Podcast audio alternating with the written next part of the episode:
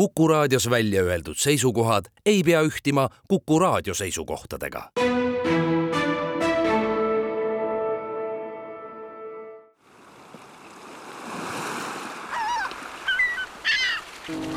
meretund meretundi toetab Tallinna Sadam. Tere hommikust, on laupäev ja Meretunni aeg, mina olen saatejuht Vallo Kelmsaar. järgmisel nädalal tähistab Tallinna Sadam Paldiski Lõunasadama kolmekümnendat aastapäeva ja peetakse Paldiski Ettevõtjate Liidu järjekordne konverents Teistmoodi Paldiski. ühtlasi pannakse nurgakivi Paldiski Lõunasadama uuele kaile, mis mõeldud meretuuleparkide ehituseks ja hoolduseks ning Eesti militaarvõimekuse suurendamiseks.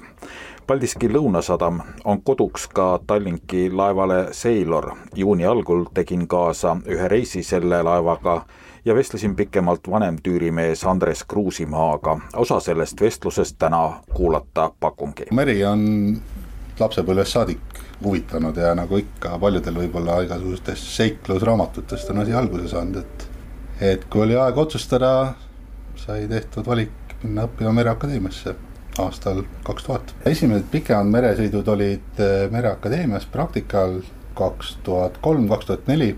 madruse praktika ma läbisin Tallinki laevadel, kuid Tüürimäe praktikapika läbisin äh, Hollandi kompanii laeval. sõiduregiooniks oli praktiliselt kogu maailm, Euroopa, Vahemeri, Aafrika, Uus-Meremaa, tramplaev väga palju anti seal vabadust täita Tüürimäe ülesandeid, küll järelevalve all, kuid edasises elus oli ta hästi kasulik ja tuli kasuks ainult. ma olin kolmanda Tüürimehega koos, täitsin tema ülesandeid tema juhendamisel. põhivastutus oli ikkagi sild, navigatsioon, kaardid, vajadusel ka kaubaoperatsioonid ja, ja nii edasi. aastal kaks tuhat viis sain kooli lõpetatud edasi läksin tööle madruseks aasta aega, aastal kaks tuhat kuus avanes võimalus tulla Tallinkisse tööle. esimeseks laevaks oli Galaxy, mille võtsime vastu Tallinna-Helsingi liinile ja, ja esimeseks kapteniks oli kapten Rein Erlach. Tallinkis on mul olnud üksteist laeva kogu selle aja peale, mõned lühemalt, mõned pikemalt. et nüüd viimased kolm aastat seilari peal. seitsmeteistkümne aasta jooksul mulle tundub see nagu väga kiire vaheldumine. jah, võib öelda, et on kiire, seal on omad plussid ja miinused. plussideks on kindlasti erinevad kogemused erinevatest liinidest, erinevad töökeskkonnad, erinevad äh, meeskonnad, erinevad, võtame kasvõi juba töökeeled, Riia liin, Vahemeri ja nii edasi. miinuseks pigem jah, oli niisugust nõndanimetatud koti otsas elamist, et tuli ka seda ette, et mõni vahetus seal, mõni vahetus seal. aga nüüd aastast kaks tuhat kakskümmend avanes võimalus Seilari peale vanemtüürimeheks tulla, et see on mu esimene koht täiskohaga vanemtüürimees. mille poolest Sailor teistest laevadest erineb Tallinki laevadest? kuna tegu on tegelikult reisilaevadega, reisipardlaevadega, siis ütleme Tallinki kontekstis on Sailori nagu kaubalaev ehk eh, laeva eesmärk ei ole mitte meelelahutuse pakkumine, vaid eh, kaubaühikute vedu. kindlasti on vahe meeskondade suuruses, meil Sailori pardal tavaolukorras on kolmkümmend inimest. suured reisilaevad, Silja Euroopa kolmsada inimest, kui ma ise töötasin, et eh, rohkem niisuguseid nagu suuri erinevusi ei ole, et et amet on amet, tüürimehe töö on ikkagi tüürimehe töö. kas lasti paigutamine on alati vanem tüürimehe ülesanne? See on nüüd erineb laevade kaupa, et äh, meie laevas vanem tüürimees tegeleb laadimisega Paldiskis. paljuski on see tingitud sellest, et Paldiski poole pealt on palju ülekabariitseid kaupasid, mille kinnitamist ja paigutamist äh, vanem tüürimees ise juhendab ja Kapessari poole pealt laeb meil teine tüürimees kui ma Paldiskis peale tulin, siis ma tegelikult imestasin seda, et äh, laadimine võtab nii kaua aega, sest näiteks kui me võtame need uued laevad, mis äh, Tallinna Vanasadamas silduvad, siis seal käib kogu protsess umbes tund või isegi vähem. siin on palju pikemalt, seleta lahti, miks? jah, et laadimiseks on meil kolm tundi ja kogu laadimine käib meil ainult äh, läbi Ahtri rambi ehk eh, laevas on kolm tekki, et esimene teine tekk tuleb kõik tagurdada, kõik ühikud. kolmandale tekile sõidavad ühikud otse üles, kuid need eh, pööravad seal ringi ja tagurdavad siis paika. erinevat suurtest ugematest laevadest ei ole meil laev läbisõidetav, meil ei ole vöörirampi, meil ei ole vöörivisiiri ja kõiki ühikud tuleb tagurdada. teine, miks aega kulub palju võrreldes teiste laevadega, on see, et äh, laev on ehitatud aastal kaheksakümmend seitse ja read on nagu vanematel laevadel ikka kitsad, et selle ajaga on kaubaühikud natuke priskemaks läinud, ridade laius on kaks koma seitse meetrit, kaubaühik on kaks koma neli. laadimine ongi planeeritud, et äh, pannakse üks ühik paika, juht lahkub autost tuleb teine ühik talle kõrvale, juht lahkub ja nii edasi, et äh, alati peavad juhid lahkuma, enne kui tema kõrvale pargitakse teine kaubaühik. Ja seda ka madrused väga jälgivad, et äh, kindlasti juht sisse ei jääks, et reisijal ei tohi autotekis viibida. kõiki kaubaühikuid me tagurdame minimaalselt kahe meeskonnaliikmega, üks juhendab eest, teine jälgib tagant, märguandeks on meil viled, ohtliku olukorra tekkimisel antakse viledega märku ja proovitakse uuesti. Nõuab täpsust, nõuab aega. võiks ju arvata, et eh, kui on suur laine ja laevakreen läheb seal võib-olla suuremaks, ma ei tea, kus see suur sinu mõistes on, eks. maainimesel on see väiksem ja purjetajale võib-olla see kreen ei ole üldse mingi märkimisväärne küsimus. aga kuidas neid kinnitate, ehk siis kui palju see rihm näiteks eh, hoiab kinni? et äh, laevas on klassiühingu poolt heaks kiidetud kaubakinnitusjuhend ja seal on väga täpselt ära määratletud, kuidas mingise ilmastikuläinetuse korral tuleks kaup kinnitada. ja ütleme, rusikareegel on see, et äh, ühe külje peal olevate rihmade kogu hoidmistugevus peab olema vähemalt sama suur kui kogu ühiku kaal, et kui meil on sadulveok näiteks nelikümmend tonni, siis ühe külje peal peab olema vähemalt neljakümne tonni jagu rihmu, mis suudab neljakümmet tonni ise üksi kinni hoida. ülemisel tekil, kus ütleme, kreeninurgad on äh, suuremad, on meil kasutusel rihmad, mille katkemistugevus on kakskümmend tonni. alumistel tekkidel kaksteist tonni. ehk kui on tormine ilm, siis äh, rasked ühikud ikkagi peaksid olema kuue rihmaga kinnitatud. ja oluline kaubakinnituse puhul on ka see, et äh, kuidas rihmad pandud on, et millisel suunal, et nad ka reaalselt töötaksid, et et kui rihm otse alla vaatab, siis rihmal kui sellisel pole mõtet, et siis ta ei tööta. lisaks äh, alati kasutusel klotsid äh,, kaubaühikutel äh, kõik need äh, õhud on maha lastud, et äh, siiamaani on hästi läinud, et pole olnud ilmastikust tingitud kaubakahjustusi. palju see üks rihm kaalub koos äh, kogusedega? üksteist, kaksteist kilo ja kuus rihma panna, et ikkagi see on päris aegavõttev ja füüsiliselt ka päris kurnav, et kui neid autosid on siin üle seitsmekümne peal. jah, et üldiselt äh, meil niisugune rusikareegel kaheksakümmend kuus kaubaühikut suurt mahub peale, noh, sõltuvalt kauba erinevatest tüüpidest annab siia-sinna mängida, et optimaalselt pinda ära kasutada. ega sügis, talvine ja kevadperiood madrustele on raske, et see on ikkagi füüsiliselt äh, raske töö ja ja kauba laadimine ja kinnitamine toimub kogu tekimeeskonna poolt, et, et kõik teevad seda tööd.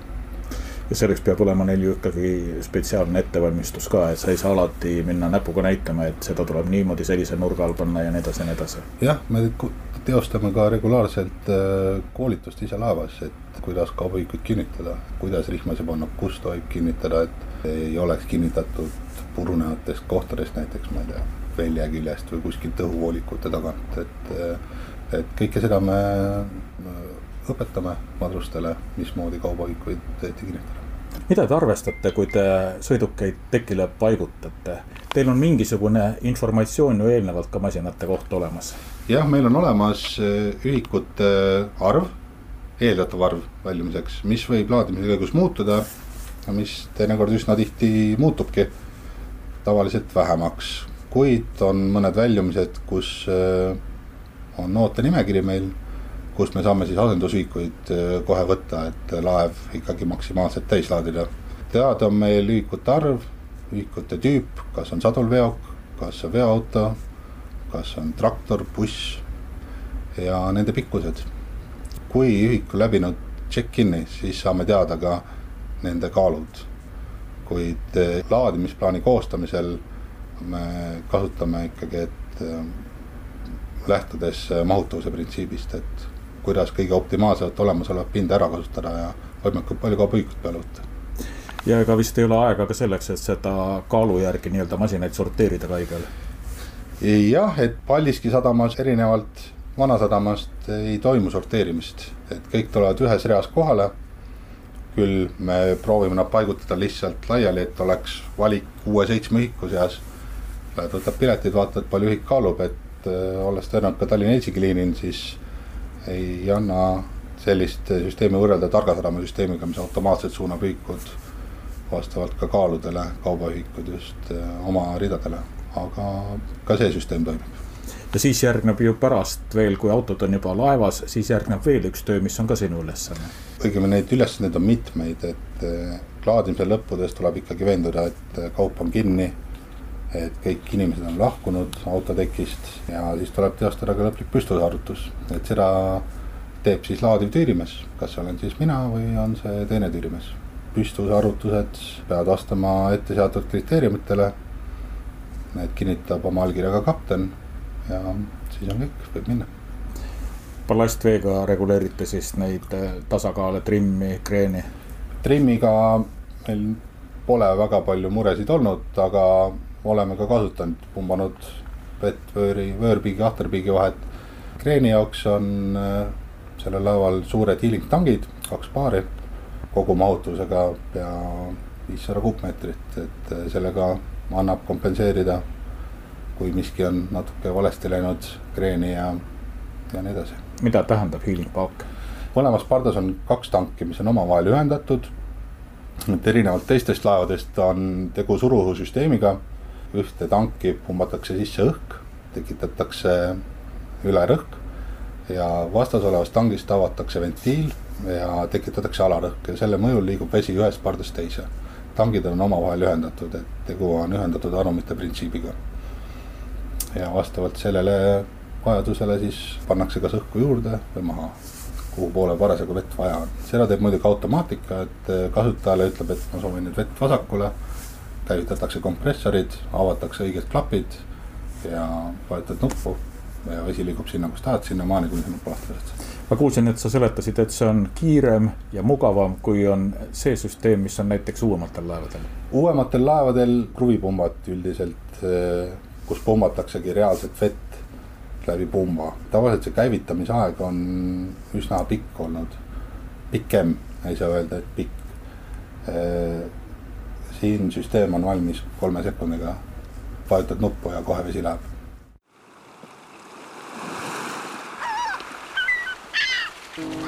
meretund. meretundi toetab Tallinna Sadam. Jätkame Meretundi, milles täna räägib oma tööst Tallinki laeval Sailor, vanemtüürimees Andres Kruusimaa. kui hommikul laeva tühjaks lossisime, siis sa ütlesid, et kõhutunne on ka üks asi, mis mängib, et sa käid küll ekraani pealt vaatamas, kuidas olud on, aga. ja et äh, kuna meil äh, lossimine käib äh,, eriti kolmanda teki lossimine käib läbi vasaku parda, ehk siis kaubaühikud keeravad paremast pardast vasakusse pardasse. ja sõidavad mööda kaldteed välja. Pahatihti või üsna sageli on need neljakümne tonnised ühikud, rasked. ja tänu sellele siis, kuna ühik sõidab ühest pardast teise, laev läheb kreeni et siis tuleb nagu jälgida, et rambi peal olles tajub ka inimene ära, et kummale poole nüüd laev kreeni läheb kui kiiresti ta läheb. see on see kõhutunne, mida tuleks jälgida, et vajadusel äh, lossimisoperatsioon peatada, kuni jõuab vee järgi pumbata ja nii edasi. kõik see, nagu me rääkisime, võtab aega. võtsin kella pealt, vaatasin umbes tund ja viisteist tundi ja kakskümmend minutit läheb laeva tühjaks laadimine. see paljuski sõltub ka kaubaühikute tüübist ja ka sellest, milline on kaubakinnitus olnud, et äh, kas on kuus rihma, kas on neli rihma. ilusate ilmadega lubab meil kaubakinnitusjuhend äh, kasutada ka ainult äh, sõidukiklotse. eeldusel, et kaubaühikul on, on õhud süsteemist maha lastud. et see kõik sõltub sellest. aga klotsid pannakse alati? algklotsid on alati. lotsid on alati, alati on kinni rihmadega treilerid, alati on kinni ohtlik kaup, alati on kinni ülekabariitne kaup ja alati on kinni ka ühikud, mis asuvad kaldteedel. kui nüüd äh, juba kõik äh, ühikud või kõik autod, kaubaautod on laevale paigutatud, siis reisi ajal ju ka käib kontrollimine, aga see ei ole enam sinu ülesanne. see on konkreetselt ikkagi ka minu vastutusalasse kuulub, kuid seda täidab vahimadrus, kes teostab ohutusringkäigu laevas. et see ei ole ainult kaubaühikute kontroll, see on üldine ohutusringkäik laevas. ja see toimub iga kahe tunni tagant, kus alustatakse äh, ringkäiku. ja selle käigus kontrollitakse ka siis kaubaühikute kinnitus, elektriühendusega ühikute temperatuurid ja kõik muu ebatavaline, mis nagu silma jääb, et on meil esinenud reostusi autodest, just kaubaühikutest, et on kütusepaagid lekkinud, siis tuleb need piirata, et ei tekiks äh, reostust mujale ja nii edasi. pahatihti on just äh, kaldteedel olevad kaubaühikud, kelle kütusepaagid on lekkinud nii et ohutus on sinu vastutusvaldkond? ohutus ongi mu põhiline vastutusvaldkond siin laevas. lisaks laeva juhtimisele? laeva juhtimine on äh, nauding. selle juurde me veel jõuame, aga räägime ohutusest. täna oli üks äh, õppus siin laeva peal, tegemist oli siis tuletõrjeõppusega ja minu võhiku silma jaoks koosnes see nagu kahest osast ühes osas valmistati ette uusi laevapere liikmeid selleks õppuseks, mis kohe-kohe hakkas toimuma ja siis oli see üldisem õppus. kuidas nende õppuste plaanide, stsenaariumide väljamõtlemine käib? sellega tegeleb vanem tüürimees, minu otsene vastutus on paljud asjad, mis on nõutud igasuguste konventsioonide poolt, et see nõndanimetatud esimene õppus oli veekinate uste, päästevahendite, kustutusvahendite tehniline õppus, kuidas mida kasutada ja peale seda järgnes meil kord nädalas toimuv tulekahjuõppus, evakuatsiooniõppus ja laeva mahajätmine. pluss veel pärast siis äh, paadi kasutamise õppus. kas see, see evakuatsiooniõppus, paadi kasutamise õppus, laeva mahajätmine, kas need on nädalast nädalasse kogu aeg ühesuguse sisuga? Nad on sama eesmärgiga, kuid äh, legend ikkagi muutub, et me ei tee tulekahju samas kohas me roteerume, kas me teeme laeva mahajätmist läbi autoteki kaile näiteks, kui tulekahju on sadamas.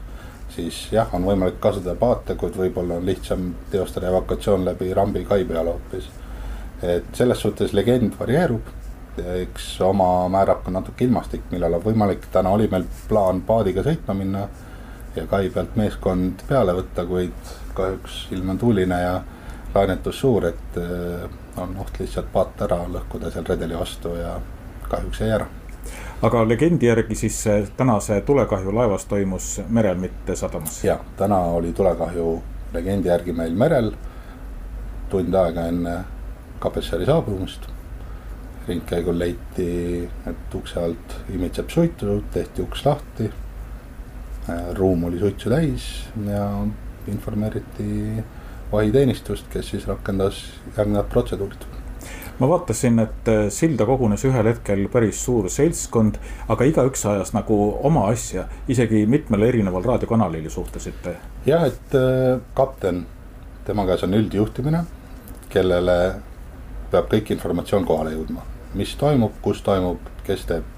nüüd edasi toimub jagunemine vanem-mehaanik ja vanem-tüürimees, vanem-tüürimees on siis esmapirühm, evakuatsioon ja, ja nii edasi ja vanemmehaaniku vastutusalas on siis tuletõrjerühmad. või erinevate häirete puhul teised rühmad, et häireid on meil laes mitmeid. aga täna oli tulerühmad vanemmehaaniku käsutuses, evakuatsioonirühm, esmabirühm ja kogunemiskoht Alfa info on vanemtüürimäe käsutuses. Need rühmad on siis alalised, teavad, kes kellega koos töötab, nad on juba varem omavahel koostööd harjutanud jah, see ongi õppuste eesmärk, seda kokkutöötamist harjutada, et äh, üldiselt on nad kõik jah, varem seda läbinud. kui tuleb uus laevapere liige, siis kindlasti tehakse vastav tutvustamine talle, ta kohustustest. õpetame, harjutame, et see on lõppude lõpuks meie enda ohutus viimasel ajal vist meeskonnad roteeruvad sageli, see tähendab seda, et laevapere liikmeid vähemalt selles grupis on ka sageli vahetumas. see teeb asja keerulisemaks see teeb keerulisemaks, kuid äh, ei tee ületamatuks, võtab lihtsalt natuke rohkem aega. Need äh, päästevahendid, noh, täna vaatasime näiteks päästepaati, kuivõrd sarnased nad on eri laevadel? eesmärk on kõigil üks ja sama, et laevalt avarii olukorras lahkuda ohutult, et äh, kindlasti on, varieerub nii päästepaadi tüüpides kui ka veeskamisseadmetes. meie päästepaati mahub viiskümmend neli inimest, võrdluseks suurtel laevadel on see arv sada viiskümmend. samamoodi on meil päästeparved, et meil mahub kakskümmend viis inimest. kui mälu mind ei peta, siis Megastaril, kus ma töötasin, oli äkki sada üks, üks vist jah õppusele peaks järgnema ka kokkuvõte, tänase õppuse kohta ilmselt ei ole veel jõutud kokkuvõtet teha, aga mis sulle silma jäi? kokkuvõtted, eh, jah, meil on oma protseduurid, mina täidan õppehäire raporti kõikide kohta, vastavalt kompanii protseduurile. niisuguseid suuri tähelepanekuid, eh, mis valesti läks, ei olnudki, et eh, tulerühmad kogunesid piisavalt kiiresti, riietusid, tulekolle likvideeriti kiiresti kõik äh, tinglikud reisijad leiti üles evakuatsioonirühma poolt. rühmadevaheline koostöö oli hea, et äh, evakuatsioonirühm kuuendale tekile ei saanud minna evakueerima suitsu tõttu.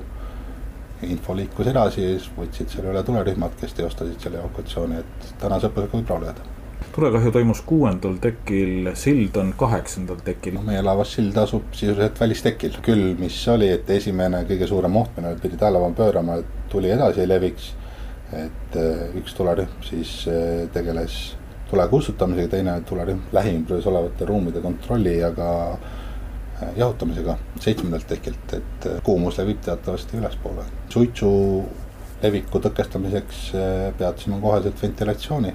nii et kokkuvõttes võib öelda, et tänane õppus oli selline, millel võib vähemalt rahuldava hinde panna, kui mitte kõrgema?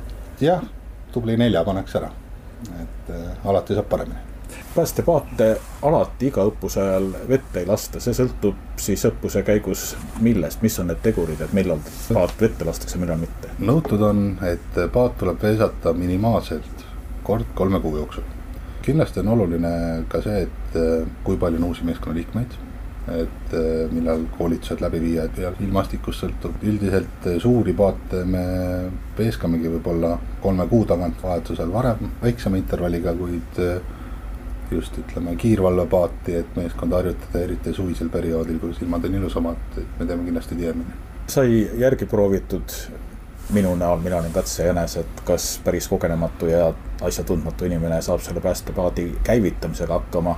võin öelda, et saab küll, aga kas kõigil meeskonnaliikmetel, sinna ju mahub paati viiskümmend neli inimest peale, kõik kindlasti ei ole meeskonnaliikmed, kes sinna reaalses olukorras võiksid peale minna. kas kõigil meeskonnaliikmetel peaks olema ka paadi juhtimise kogemus?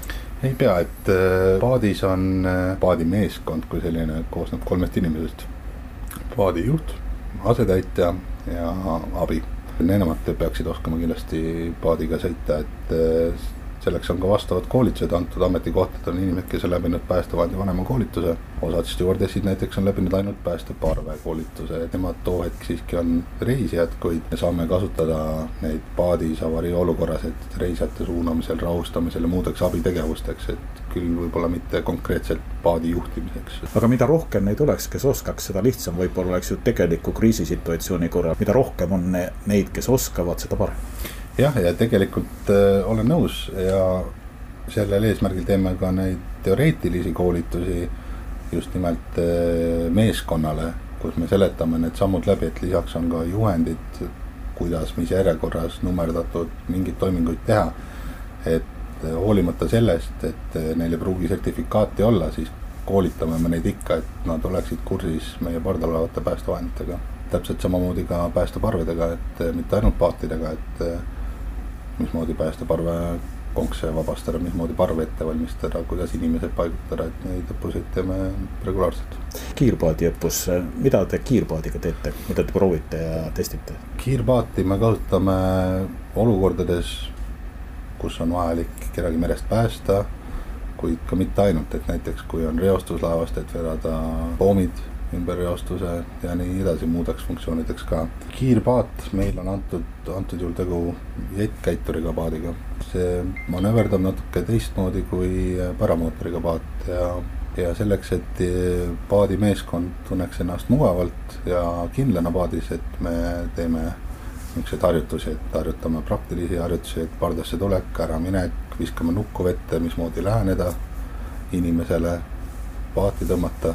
Oleme ka nii teinud, et soojematel ilmadel kostüüm seljas, et üks inimene on vett hüpanud ja siis me päästame teda, et niisuguseid praktilisi harjutusi, et et selle liini võib-olla eripära ongi see, et päeval on sadamas seisuaeg, kus saab põhjalikult selliseid õppuseid teha, et pardal peab olema vähemalt kahe meeskonna jagu, kes suudaksid kiirpaadiga opereerida. et siis me roteerime neid, et üks meeskond ja teine meeskond, vajadusel ka vahetame ametikohta, et äh, paadis, kes mida teeb, et kõik saaksid proovida, et ei ole, et ainult juht manööverdab paadiga, et äh, samamoodi manööverdab asetäitja või kolmas liige, et kõik saaksid selle tunnetuse kätte omale teete te neid kiirpaadiõppusi ka reaalse liinireisi ajal, siis kui reisid on pardal, kui laev sõidab oma tavalise käiguga? siin liinis hetkel mitte, ei ole teinud, kuid äh, kiirlaevas, kus ma teise tiirmena töötasin Megastaari peal, jah, me tegime. Seepärast, et sõidugraafik oli selline, et pididki käigu pealt tegema neid. põhimõtteliselt sadamas ringi pööramise ajal, kui edasiliikumine oli väike, lasime paadi vette. tegime oma tiiru ära ja tulime käigu pealt äh, üles tagasi, et seda tegime nii Vanasadamas kui ka Helsingi poolt. võib ka nii öelda, et isegi liikuvale laevale pardasse tulek ja ülestulek on võib-olla lihtsam kui seisvale laevale. laev liigub äh, edasi, vangliin on sul ilusti poiga, ujub vees ilusti pinges juba ja on lihtsam tulla pardasse, konks kinnitada ja siis välja tõsta, et äh, kui näiteks laev seisab, siis sa lähed kõigepealt vangliini järgi, siis pead tagurdama tagasi lööpri alla et eh, vaikselt edasi liikuv laev on kindlasti lihtsam tulla paadiga pardasse kui seisul laeval.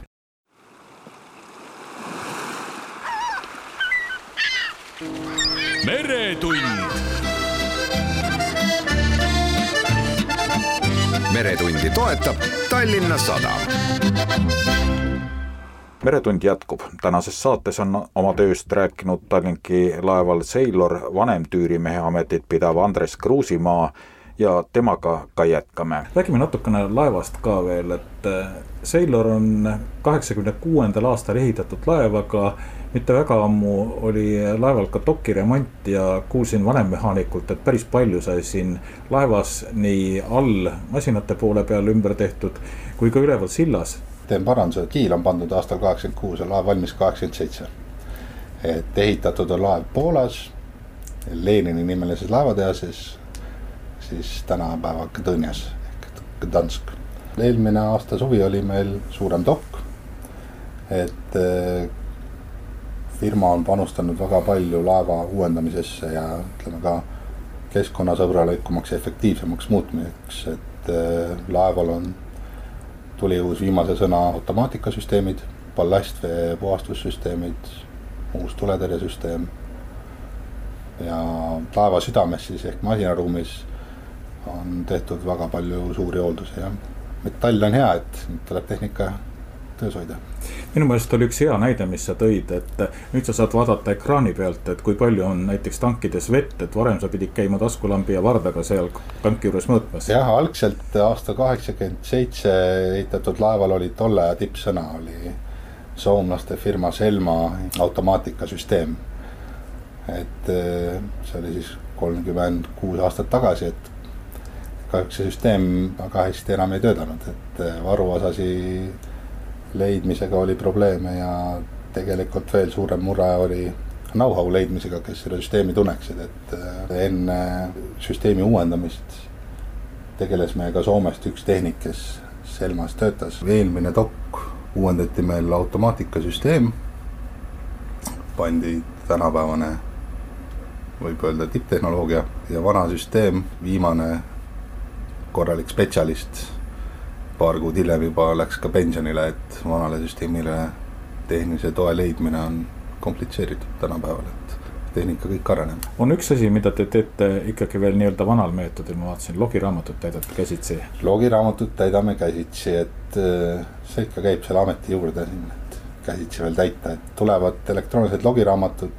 Megastaaril oli see olemas ja tegelikult on ka kompaniil plaanis võimaluse piires rakendada teistel laevadel elektroonilist logiraamatut. tõsi, meil ei ole kõiki seadmeid nagu Megastaril, kus saab arutada efektiivset liikumist läbi vee erinevate trimmide puhul, et seda kahjuks meil veel ei ole, aga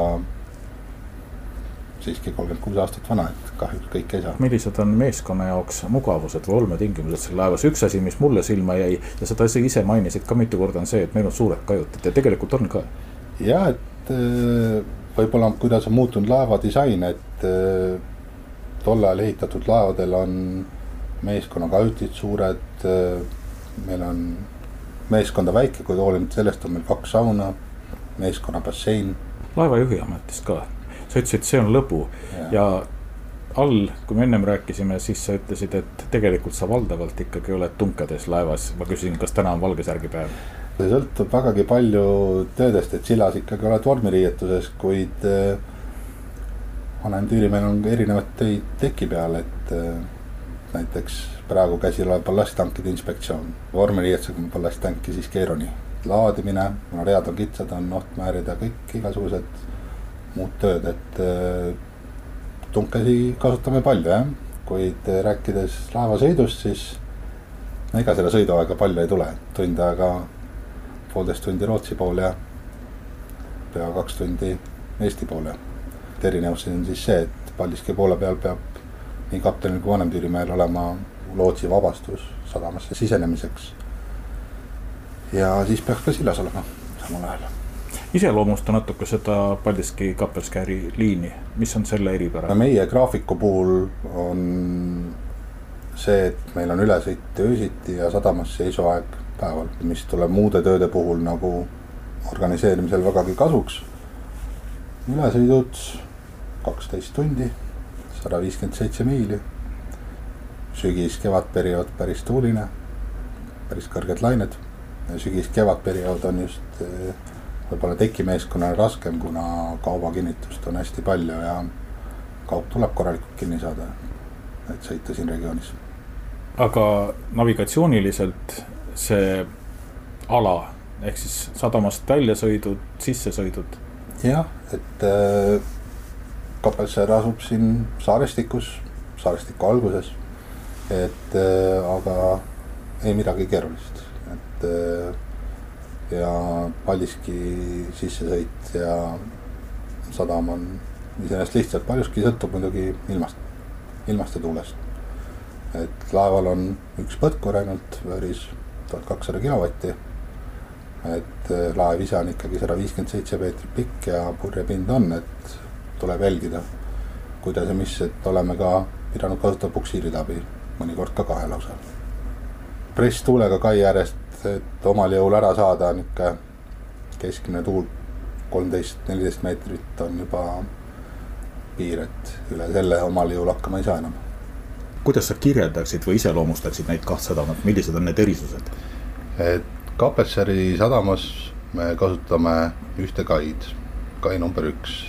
see kai on avatud just kirdetuultele, et, et sildumisel tuleb tähelepanelik olla, et, et mis võib-olla selle sadama miinuseks on see, et puksiiri tellimine võtab väga kaua aega. kui näiteks hommikul on meil saabumine, et siis tegelikult peaks eelmise päeva õhtu ära tellima, et siis sa pead olema kindel, et sul seda vaja on.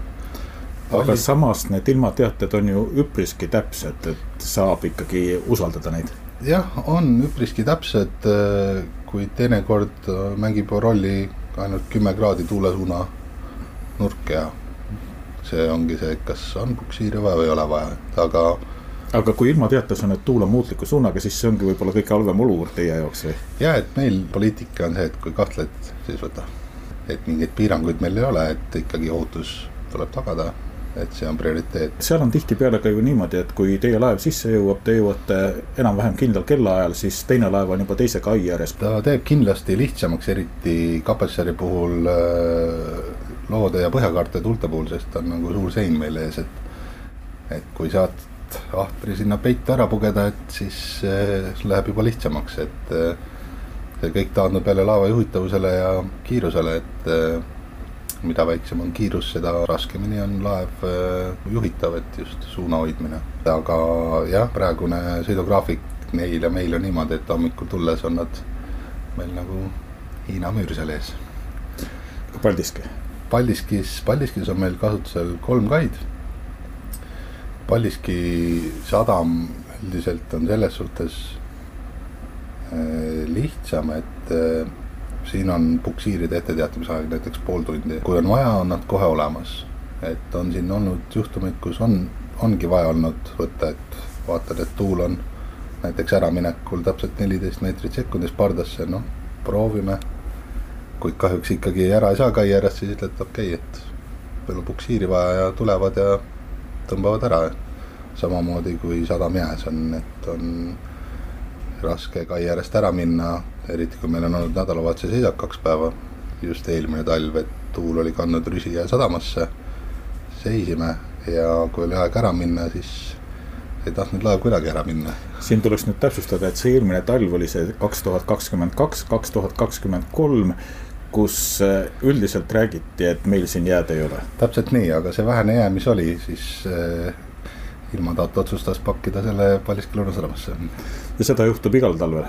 Äh, üldiselt ikkagi mingi jää on jah, et, et aga eelmistel talvedel nüüd seda juhtunud, et omal jõul ära ei saa, et hetkel küll ei meenu. et oleks olnud, et see aasta ühe korra saime ära, noh, läks aega, edasi-tagasi manööverdasime, pesime teist korda tuli puksiir, sadam küsis, et kas on abi vaja ja tuli puksiir, sõitis külje pealt jää lahti ja siis saime ilusti ära minna. aga alguses, kui proovisime, et no ei liigu. jääpress on siis äh, mere poolt äh, nii kõva peale, et kai äärest lihtsalt ei saa minema? täpselt nii, jah, et äh, ütleme, see just teise kai ääres, kus me siin seisame, et ees oli veel ka laev, et ei olnud väga ruumi seal manööverdada, et siis tuli puksiir, aga selle organiseeris ka sadam, et aga siin ongi nagu võib-olla vahe Kapessari sadamaga, et siin on need tugiteenused noh, üsna kiiresti kättesaadavad, et. Kapessaris olete te tavaliselt ühe kai ääres, aga siin Paldiskis on erinevad kaid, nagu sa mainisid. jah, Paldiskis on meil kasutusel kaid kaks, neli ja kuus, et kuna sadamas on ka muid laevu üsna tihe liiklus tegelikult, et mis siis parasjagu vabad on, et eh, sinna meid siis sadam suunab, et eelnevalt nad saadavad meile graafiku, et me teame ette arvestada, vajadusel ka töid planeerida, mis sõltuvad, millise pardaga kai ääres oled, et eh, jah, siin on eh, valikuvõimalus on suurem, jah. on ka mingi kai, mida sa siit Paldiskis näiteks ise eelistaksid, noh, tuulesuund on muidugi tuulesuund, seda tuleb alati, alati arvestada, aga. minu isiklik arvamus on, meie jaoks kõige mugavam kai on neljas kai, et seal on suured vendrid vasaku pardaga ja üsna tuulevarjus ja korralik väga hea kai ramp on. et siin teise kai ääres on betoonramp, et seda liigutada üles-alla ei saa, et sõltume ka veetaseme kõrgusest. vajadusel on olnud ka niimoodi, et oleme pidanud pumpama ballasti, et ahterirambi nurk sobiks, et saaks kaubaoperatsioone teha, et noh, ahter oleks sügavamal, et et samas neljas ja kuues kai on jah, kus on reguleeritavad kaldarambid kuuendal kail on ta natuke rohkem avatud tuulele, et eh, seal on võib-olla tihedamini niisuguseid just presstuuli olnud, et eh, et võib-olla kui on tugevam tuul, on sealt nagu raskem ära minna, et selles suhtes on neljas kai kõige mugavam. sa ütlesid, et Paldiski sadam on lihtsam? jah, Paldiski sadam minu isiklikult arvamuselt on eh, lihtsam, et sisse sõita. et meil on ka niimoodi sätitud, et, et vahetame rolle ka kapteniga sissesõidul, et äh, mõnikord sõidan mina sisse ja kapten assisteerib kõrvalt, et hoida kätt soojas ja vajadusel, et ei oleks, ei pelgaks seda roolide ja kangi taha astumist kui nüüd võhikule, kes ei ole kunagi laeva juhtimist pealt näinud ja ei tea sellest asjast midagi, siis lahti seletada, mis on need iseärasused, mida tuleb alati jälgida, üks asi on tuul kindlasti. tuul siis ka kindlasti kai, kas ta on alt kinnine, on ta pontoolidel, kuidas vesi tagasi voolab, kõik need mõjuvad laeva manööverdamisele. et äh, kiirus kindlasti, et laeva paneme paika ikkagi kümne sentimeetri täpsusega. Neid mõjusid on mitmeid jah, paljuski sõltub ka ütleme ilmastikust, kui on püsiv tuul, kaksteist, kolmteist meetrit ilma hiilideta, et et on üks asi ja samas, kui su keskmine tuul on kaksteist, kolmteist meetrit, kui tiilid on kakskümmend meetrit, siis on hoopis teine. seal on ka kõhutunnet vaja? seal on kogemusi vaja ja ka kõhutunnet. et äh, enne sildamist peab olema ikkagi plaan A, plaan B, plaan C. et äh, läbi mõelda kõik erinevad äh, ohud, erinevad tegurid, mis võivad laeva mõjutada ja kui selline tegur mõist-, juhtub, et äh, mida sa siis teed, et mis su vastus oleks. aga lõputult kõiki asju ette ennustada ei saa. aga ühte tuleb arvestada, laeval ei ole pidureid. laeval ei ole pidureid jah, et äh, musta huumoriga pooleks öeldes laeva piduriks on kai. aga seda pidurit me ei soovi kasutada. pidurdamine käib siis niimoodi, et tuleb kiirust juba hakata aegsasti maha võtma, arvestades seda inertsi, millega laev veel edasi liigub. Jah, tuleb aegsasti hakata maha võtma. eks on kujunenud välja omad orientiirid. millise kiirusega kuskohast mööda lähed, millise kiirusega pöörde algusesse lähed ja nii edasi, kuid see on samamoodi varieeruv jälle ilmastikust ja tuule suunast kindlasti, et mida väiksem on kiirus siis laev kipub ikkagi tuulde pöörama, kui veejuga on roolidel väike, rooli hästi ei kuule enam. et äh, siis tuleb kompenseerida, et, äh, et üldiselt äh, sadama väravates Paldiskis ja ütleme siin Kabessari poole peal pöördesse tulek on ikka viis sõlme. nihuke hea orientiir. et palju ka sõltub sellest, kui palju on kaupa peal, et tühi laev ja suure süvisega täislastis laev käitunud erinevalt. mäletad sa oma esimest sildumist? kes ei mäletaks, muidugi mäletan. Tähendab, ma ei mäleta täpselt sildumist, ma mäletan seda, et väga hirmus oli. mõni mees on öelnud, et särk oli pärast seljas märg. kindlasti, olen nõus. et äh, sildumisel on muidugi ka see, et ääretult oluline on koostöö kapteni vahel, et äh, üks inimene ei saa kõike hallata, et, äh, et peab usaldama, kes sul kõrval seisab, kes ja samamoodi, kui ta märkab midagi, mis võib ohtlikuks muutuda, et kindlasti sellest öelda, et jah, otsuse teeb äh, kapten, aga et vähemalt seda infot edasi anda, et, et ei ole lihtsalt tiiva peal ja vaatad lihtsalt aknast välja et alati on ikkagi mõttega tuleb kaasas olla kogu sellele protseduurile, et miks protsessis, et miks, mida tehakse. oled sa ise ka kõr kõrval olnud äh, juhendajana, kui keegi teeb oma esimest sildumist? Meil avanes võimalus eelmine aasta teha teistele tüürimeestele Paldiski lootsi paberid, et vajadusel saaksid puhkust anda. et siis jah, olen ka juhendanud kõrvalt, et, et kuidas sõita ja mis on seal vahet oma esimese sildumisega ja oma esimese juhendamisega?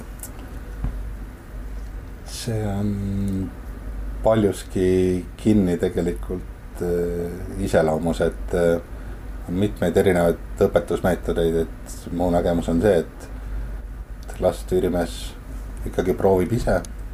kuid äh, kui asi hakkab ohtlikuks minema, siis tuleb sekkuda, et äh, igat sammu ei maksa ka ette öelda, et tee nüüd seda, tee nüüd seda et äh, kõige parem on see, kui ise saad aru, miks, mida tegema peab.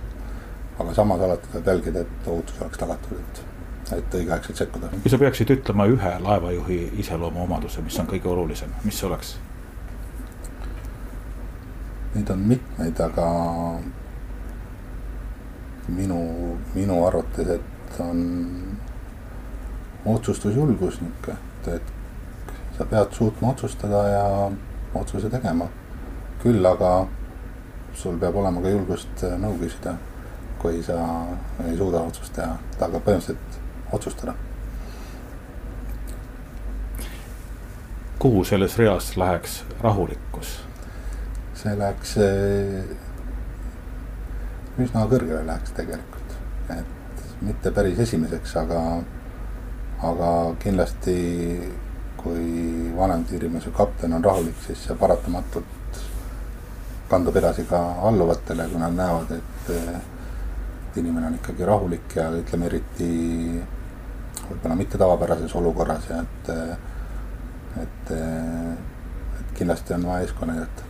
kas mereelu sobib, et need terad eraldatakse sõkaldest ikkagi juba merekoolis peale esimest praktikat, et siis peaks inimesel selge olema, et kas mereelu on see, mis teda köidab ja millega tahaks ennast Taha. tänases Meretunnis kõneles vanemtüürimehe tööst Tallinki laeval Seilor ja oma mõtetest Andres Kruusimaa. temaga vestles Vallo Kelmsaar. järgmine Meretund on eetris nagu ikka nädala pärast. Kuulmiseni